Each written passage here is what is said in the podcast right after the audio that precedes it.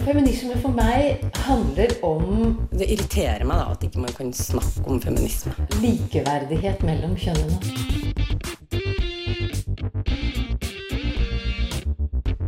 Det blikket på kvinnen på film. handlet om å bli tatt på alvor som jente. Du hører på Et eget rom på Radio Nova. Flertallet av oss som bor i Norge, tenker ikke så veldig aktivt på religion sånn i hverdagen. Så hvordan er det da å skulle date når du setter troen din høyt? Og hvorfor har egentlig religioner så mange regler når det kommer til sex og kjærlighet?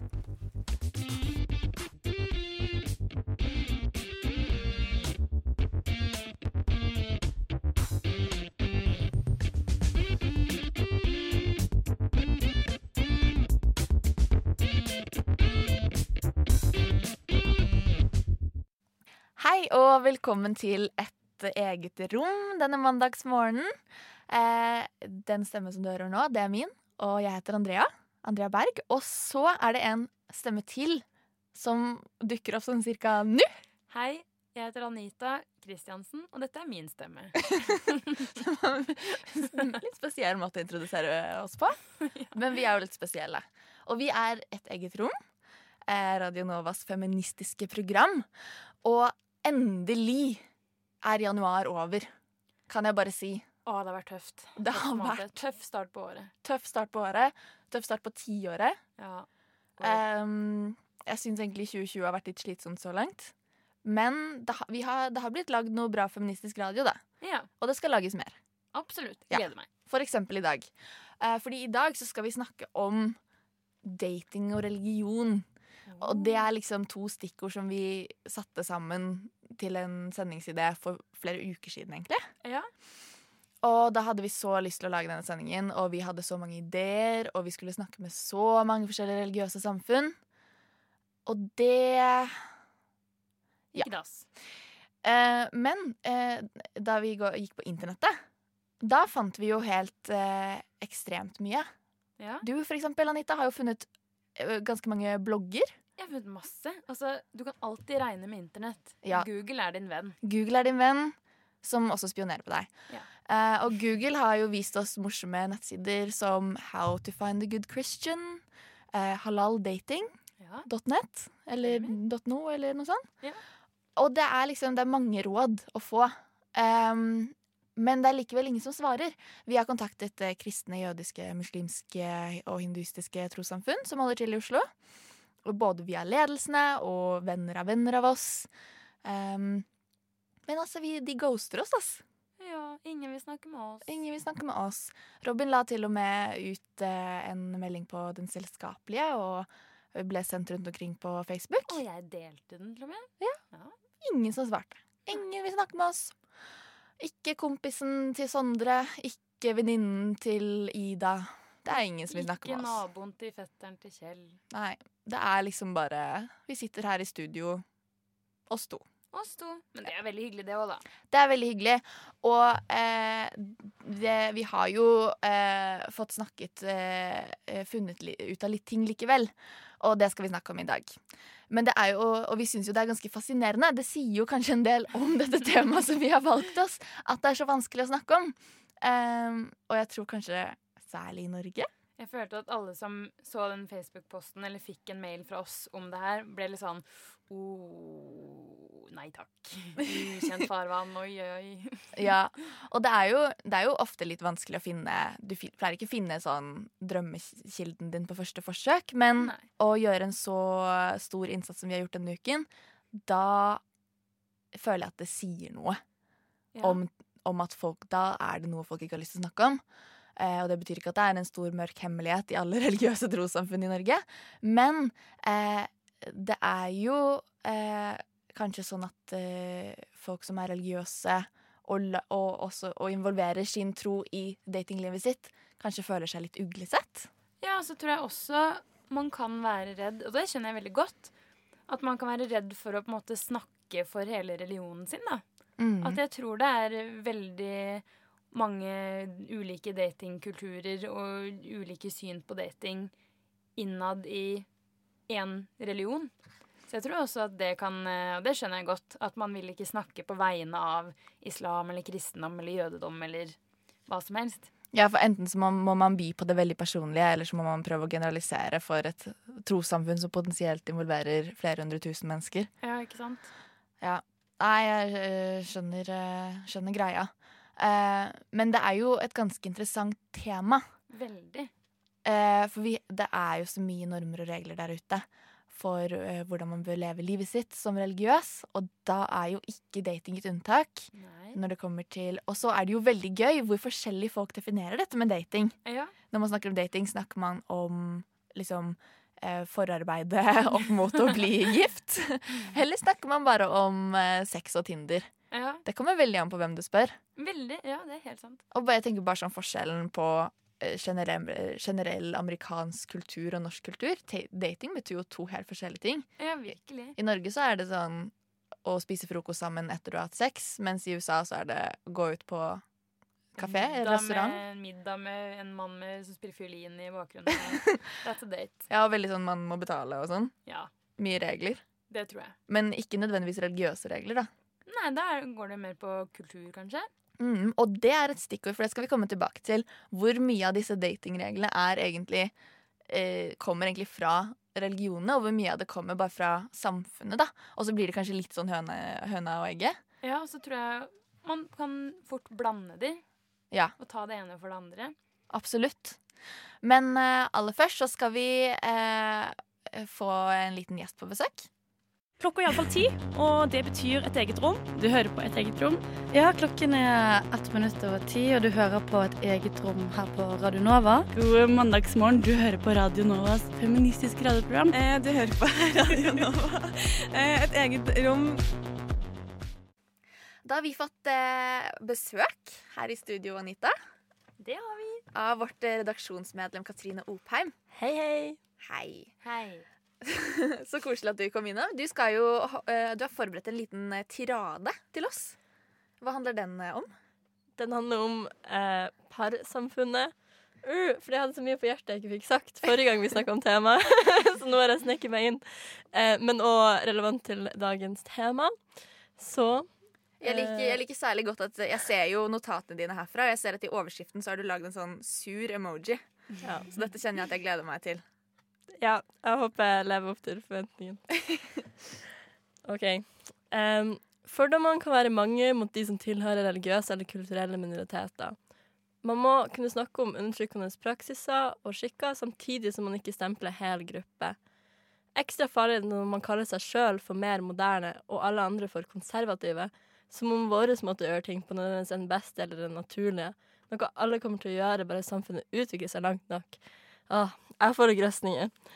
Lukka trossamfunn blir ofte kritisert for å være ufrie og undertrykkende, noen ganger med god grunn, og andre ganger pga. uvitenhet og fordommer.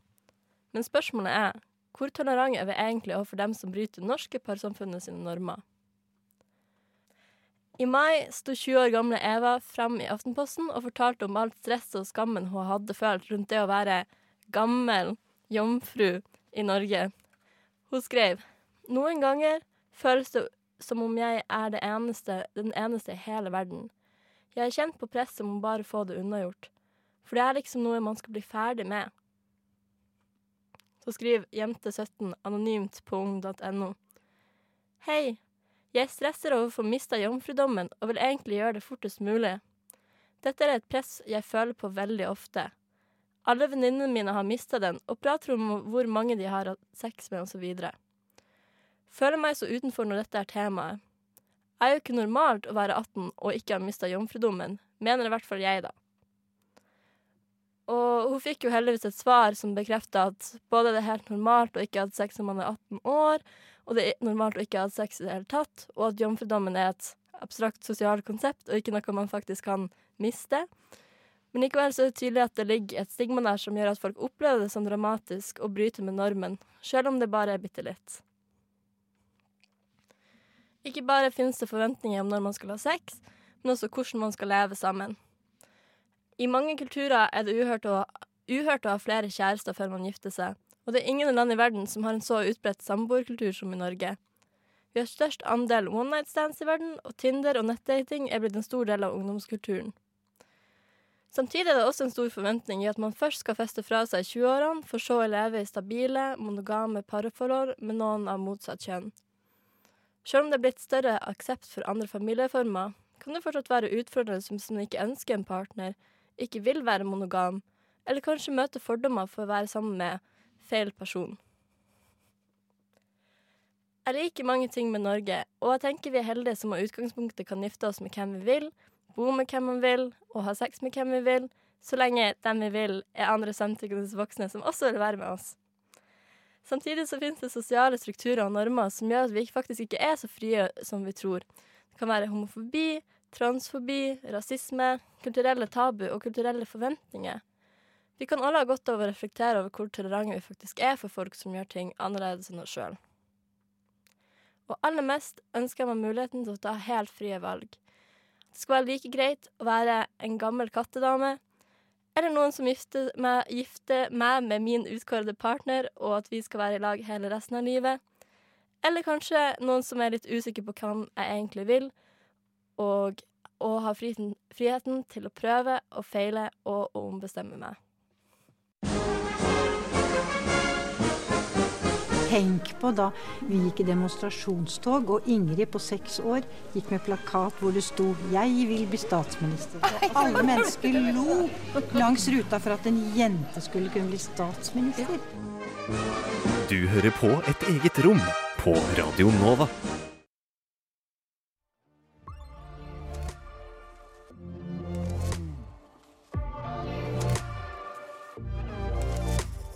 Vi i Radio Nova lager radio i fjerde etasje på Chateau Neuf.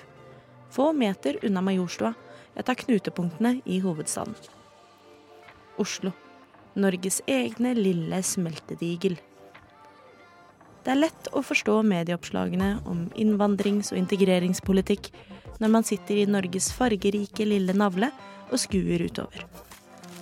Her ser man godt det mangfoldet Norge liker å skryte av. Kanskje er det nettopp derfor det noen ganger kan være viktig å trekke seg unna medieoppslagene og sin egen Oslo-boble, og heller se på statistikken. Hvor mangfoldig er Norge egentlig?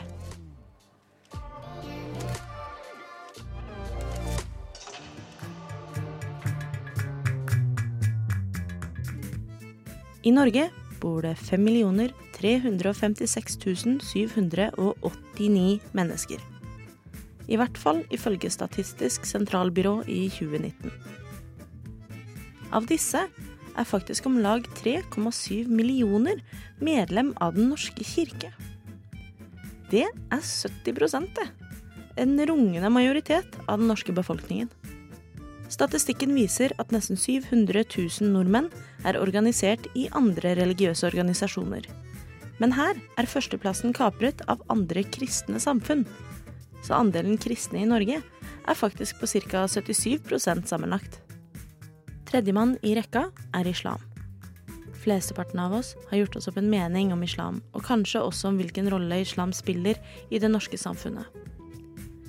Derfor er det kanskje overraskende å lese i statistikken at kun 3,27% av norsk befolkning er muslimer. Litt over 3% Sammenligna med kristendommen 77% blir det med ett ganske få. Herfra synker brøkene. 1,8% nordmenn er med i Human-Etisk Forbund. 0,4% er buddhister, 0,2% er hinduer, og Statistisk sentralbyrå viser at det finnes 809, eller 0,015% registrerte jøder i Norge i dag.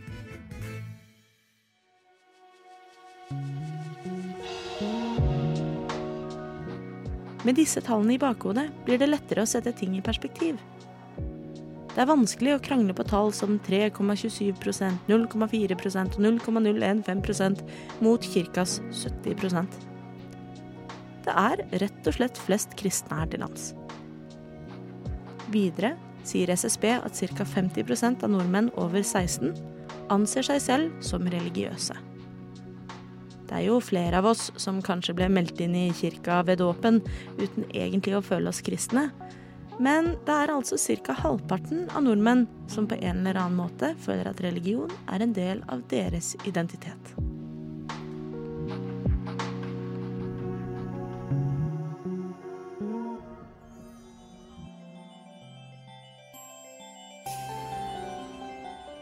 Så hvordan reflekteres dette i datingverdenen?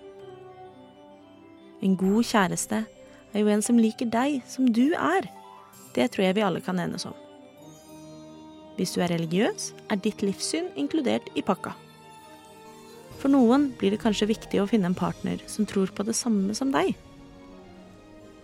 Én ting er hva man snakker om over middagsbordet. En annen ting er hvilke høytider man vil feire, og hvor og hvordan man skal gifte seg.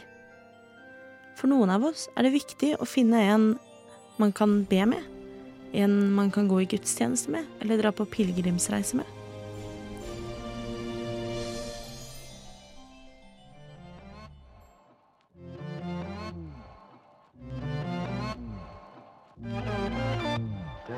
Man kan ikke filtrere etter religion på Tinder, verken på godt eller vondt. Men heldigvis er ikke Tinder det eneste alternativet i verden. Internasjonalt finnes et bredt utvalg av datingapper og tjenester man kan benytte seg av som religiøs. Fra Christian Mingle for kristne og Minder for muslimer, til J-Match for jøder og Dharma-match for buddhister. Man er ikke mer enn et godt Google-søk unna å finne helt egne plattformer som er tilrettelagt for akkurat deg og din tro. Og flere av dem har mange hundre tusener medlemmer over hele verden.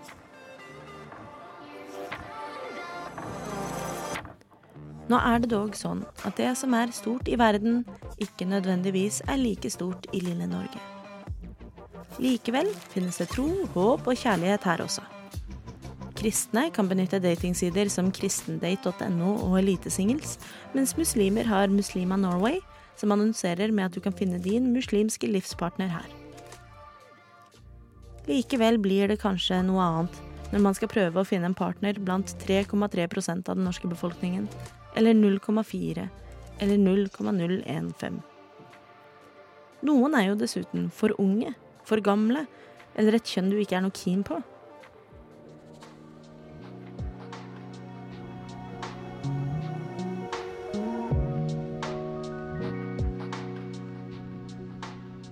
Da er det ikke så rart at det noen ganger kan være litt vanskelig å date som troende. Det er kanskje ikke så rart at man finner sin egen app eller nettside og leter etter en partner blant likesinnede. Det er jo tross alt fint om man kan tilbringe evigheten i samme himmel til sist.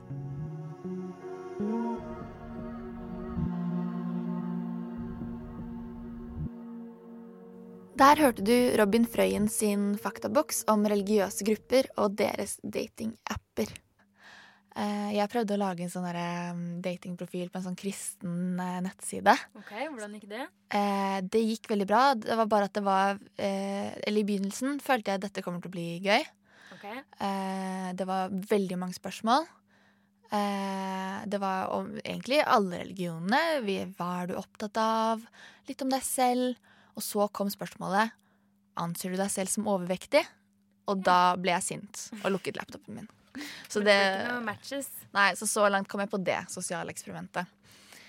Men du har jo tatt et lite sånn dypdykk på internettet og prøvd å finne ut av eh, hva man skal gjøre, Anita.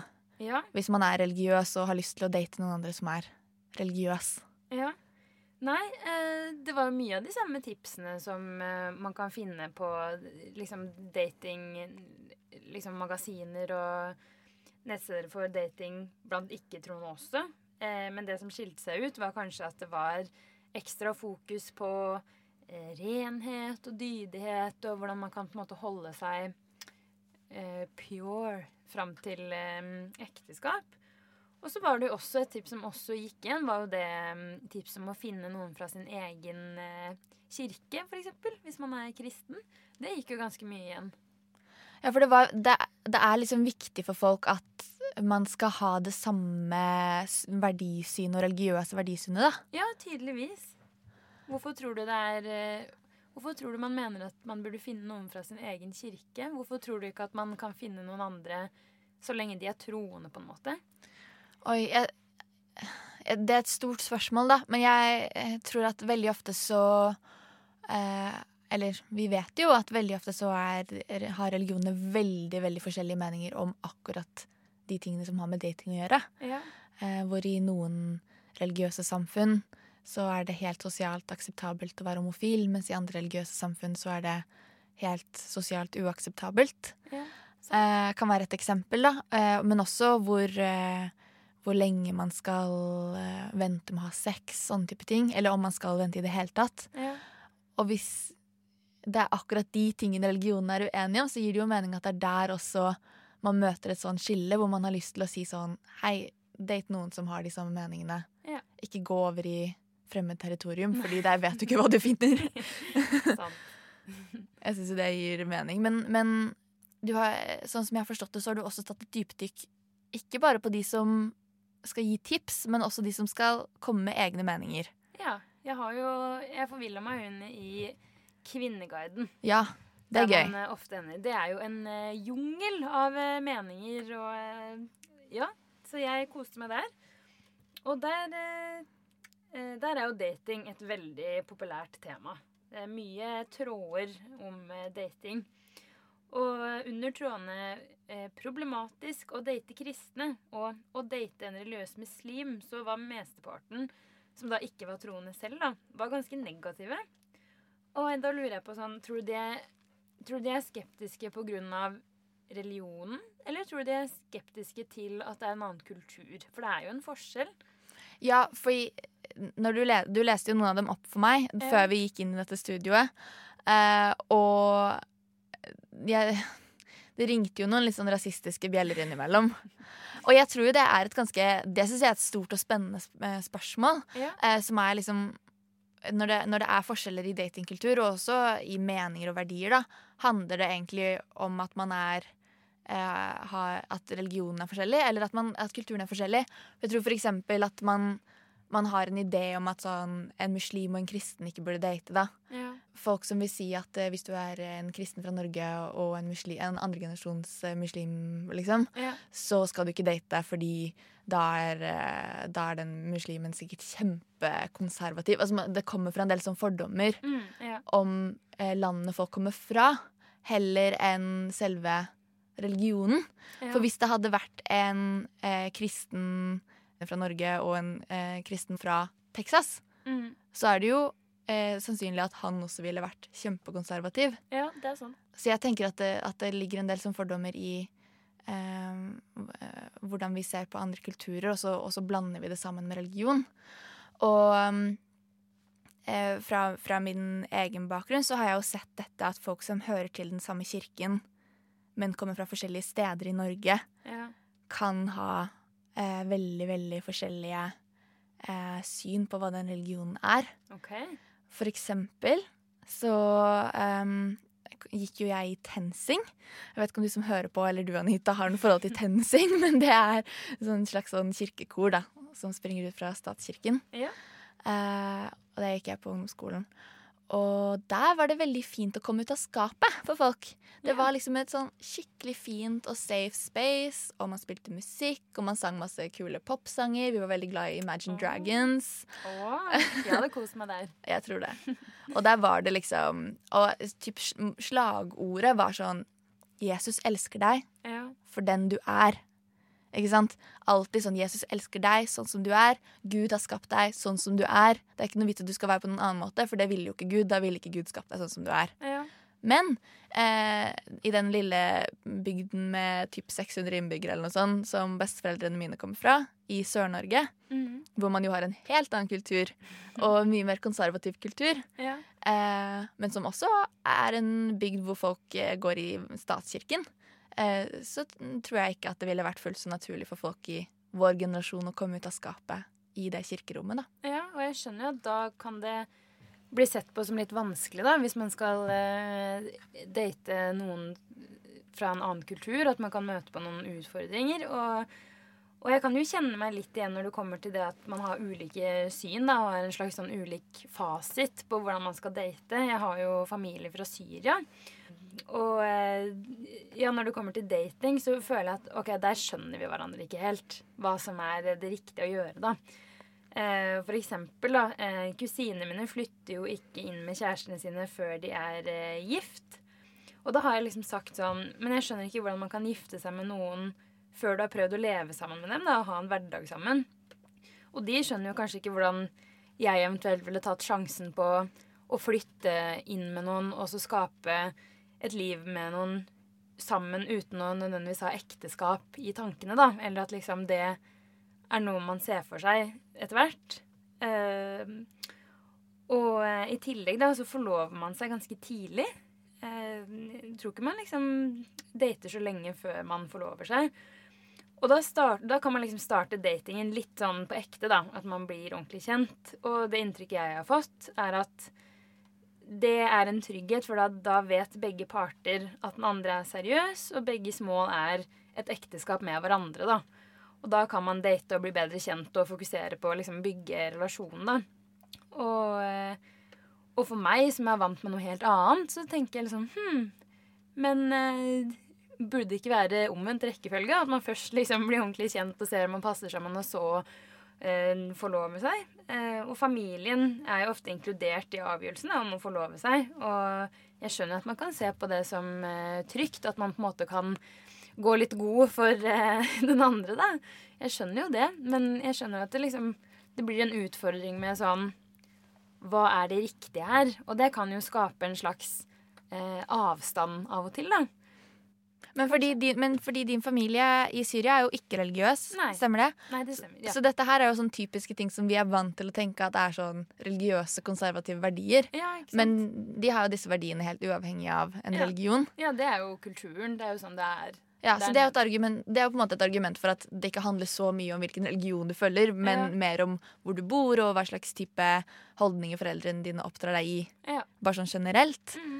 Men et argument for at eh, det er religionen som styrer, da, hvis man skal på en måte si sånn eh, på den ene siden, på den andre siden, så er det jo eh, en del religioner, f.eks. Jehovas vitner, ja. de har jo liksom en sånn punktliste ja, okay. over sånn Sånn Sånn er religionen vår. Her skal du er, er, du usikker, er du i tvil på om du skal begynne å date? Da skal du snakke med foreldrene dine.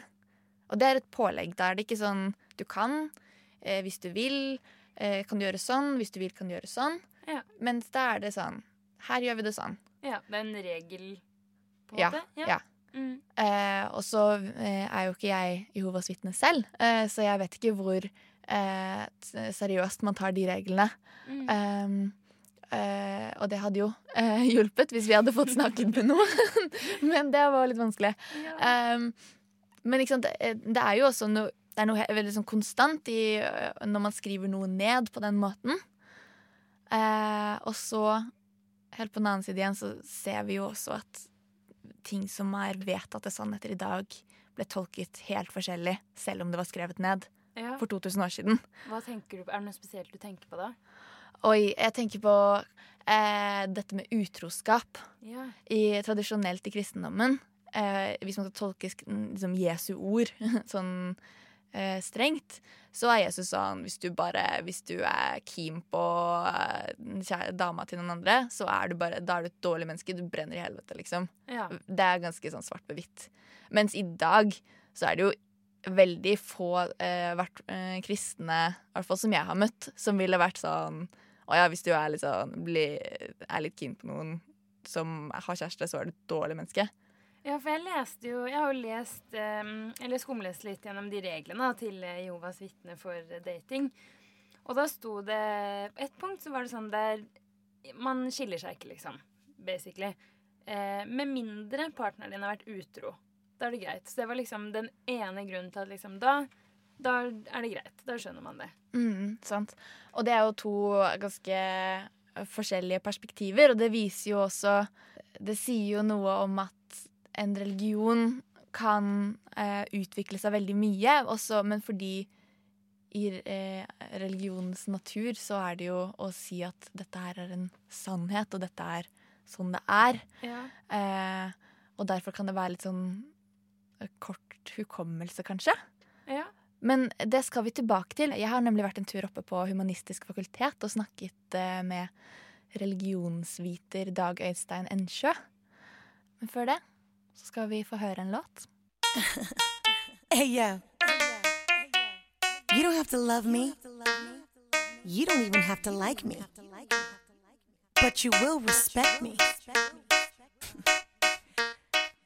Cause I'm a boss. Et eget rom. Radio Novas feministiske program. Religion, altså. Ja. Utrolig spennende. ja, det må bli med alle. Ja. er du det? Du går i synagogen den ene dagen og kirken den andre? Hei, jeg heter eh, Dag Øystein Ensjø, og jeg er professor i religionsvitenskap her ved UiO. Og jeg har bl.a. skrevet en bok som heter 'Sex og religion', som er utgitt på ti språk, så, så altfor ille kan den altså ikke være.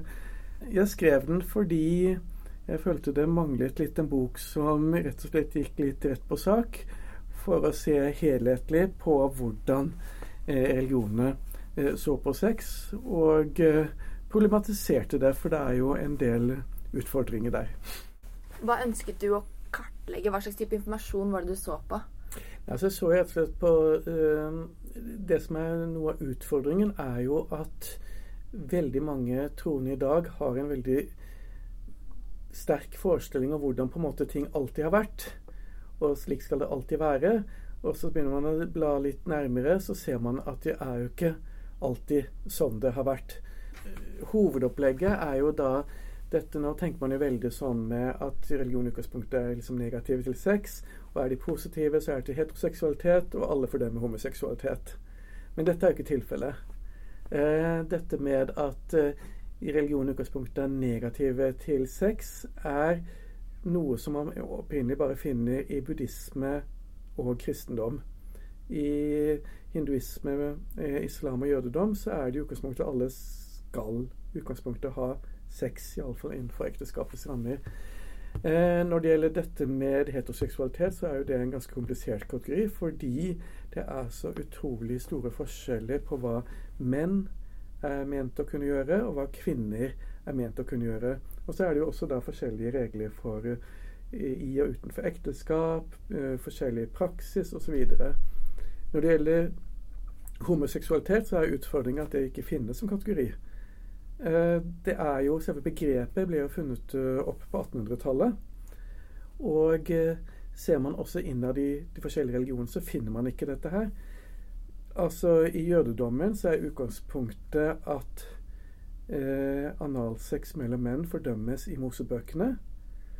Ellers så er det uklart. Så det mest romantiske av alle par man finner i Bibelen, er jo da David og Jonathan som elsker hverandre mer enn som har en kjærlighet som er større for dem enn, noen, enn for noen kvinner.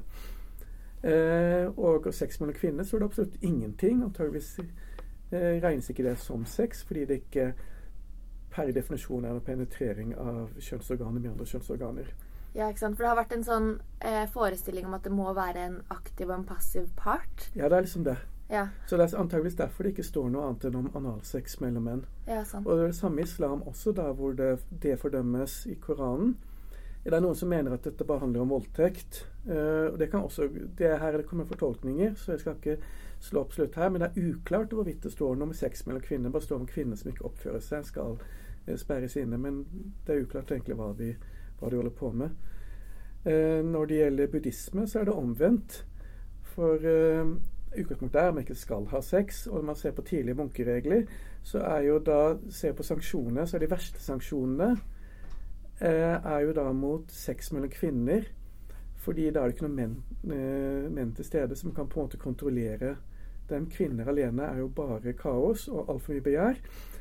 Og begjær er jo noe av det verste som finnes i buddhisme, så det er aldeles skrekkelige. Mens heterosex er jo verre eh, enn sex mellom menn.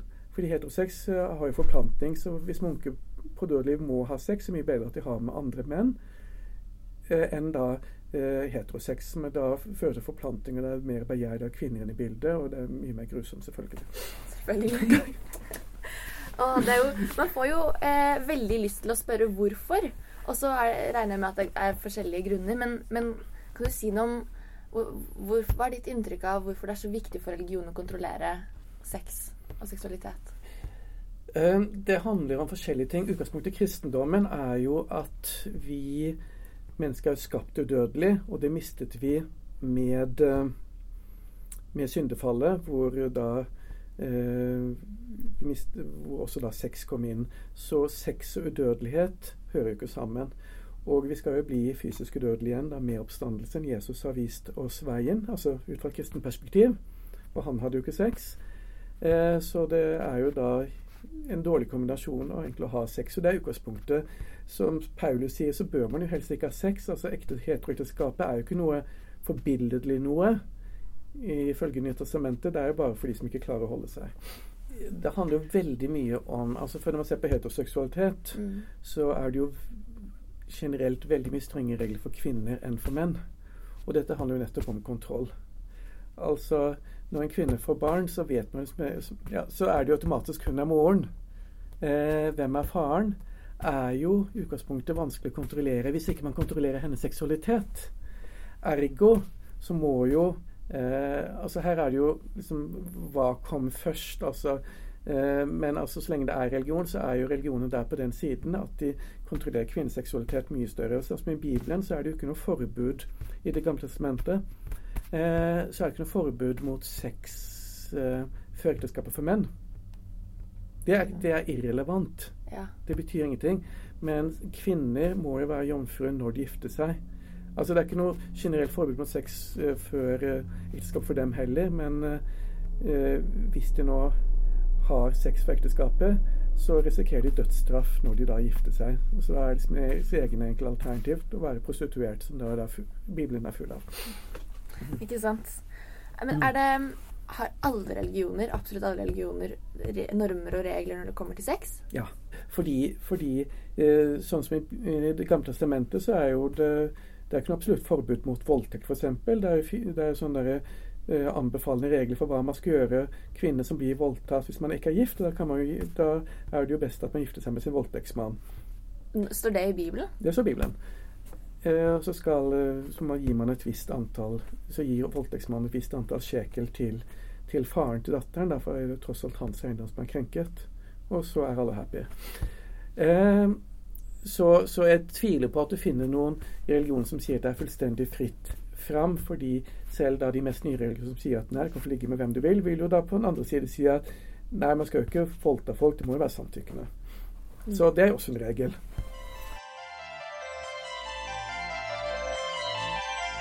I like to joke about the man box, which is like you can only be a man if you fulfill these certain qualities and you stay within this mm -hmm. square. Du hører på Et eget rom på Radio Nova. Some of the best feminists I know.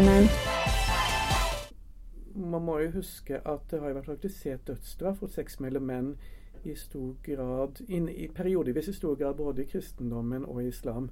Men må huske at Tyrkia, eh, Tyrkia jo legaliserte sex mellom menn 100 år før Norge gjorde det. Eh, så her er det igjen da nyanser. Og Tyrkia på den tiden styrte jo da hele Midtøsten og Nord-Afrika. Ja. Eh, så, så eh, da er det også eh, poenget Altså det å snakke om den, den, hom, den der veldige motstanden som finnes liksom mot homoseksualitet som det er nå, det er noe nytt noe. Uh, den er liksom, og det at man da kjører det som én kategori Det er jo interessant. Man finner jo dette i veldig mange religioner. Uh, at, at, man liksom kjører det over én sko. Og det er jo altså, Sånn som da kristendomsterror viser til liksom Mosebøkene, at man ikke skal ha analsex sex menn imellom. Men det handler jo bare om analsex mellom menn. Det handler jo ikke om noe som helst annet. Det handler jo ikke om homofili som således, som igjen er jo noe helt annet igjen. For det er også et identitetsperspektiv som, som, uh, som også er da et nyere, uh, nyere, fenomen. Altså Det har jo vært grupperinger av andre mennesker som primært har hatt sex med andre kjønn, men det er liksom på en måte andre kategorier enn da, dagens moderne homofilibegrep. Så vi hadde på en måte lettere for å akseptere det da vi ikke hadde et navn, da? Ja, litt. Altså, det ser det, men også, det ser du også med noen av disse eh, Noe som eh, Det kan du se denne legaliseringen av uh, sex mellom menn, for det var stort sett det som var forbudt, ikke sex mellom kvinner. For det er jo igjen det ubibelske utgangspunktet. Mm. Og også da koranutgangspunktet. Uh, uh, at at jo, det var jo motstand mot at det skulle bli eh, bli legalisert. Og det er det fremdeles i en del både kristne og særlig muslimske land hvor dette fremdeles er forbudt. Men eh, den religiøse motstanden er kanskje enda større nettopp mot likekjønt ekteskap. Mm. Og det går nettopp på at du normaliserer det. Altså det der det plutselig så er uh, likekjønnede par, uh, om de nå definerer seg som homofile, lesbiske eller hva som helst, likestilt i loven. Altså normalisert plutselig så er det liksom uh, fru og fru Svendsen over gata. Og det er ikke altså da, da, da, da mister du hele problemet, hele, he- hele definisjonsmakten i veldig stor grad. Som noen av disse mest rabiate eh, homomotstanderne i dag, sånn som eh, noen av disse som er amerikanske, som har vært veldig på å f.eks. prøve å få til dødsstraff i Uganda, har jo selv sagt at eh, For de har jo skjønt at de får ikke igjen dødsstraff i USA, da, selv om de sikkert er litt lei seg for det, så sier de allikevel at det viktigste er at det bare var diskré, sånn som det før i tiden. At, at de visste at dette var ikke godtatt, at de dermed holdt seg liksom i bakgrunnen og ikke gjorde noe nummer ut av det. I hvert fall ikke noe pride. Ja, ikke sant? Hvorfor, hvorfor er det så vanskelig for folk at det ikke er diskré? Altså at det er i det åpne? Nei, det handler jo nettopp om at eh, at eh, det blir liksom feire det de da mener er en, en synd, da. Men hvis, de, hvis man genuint trodde at det var en synd, så skulle man jo tro at man ville være kategorisk imot det også. Ja, men det er det jo også. Veldig mange av disse veldig, veldig gjerne forby det hvis de hadde kunnet det. Men det er liksom de, de, de ser Og det ser du også i veldig mange land, sånn som det er i Russland og eh, Polen og andre land, eh, religiøst konservative, at de prøver da å eh, forhindre ytringsfriheten. Altså de har f.eks.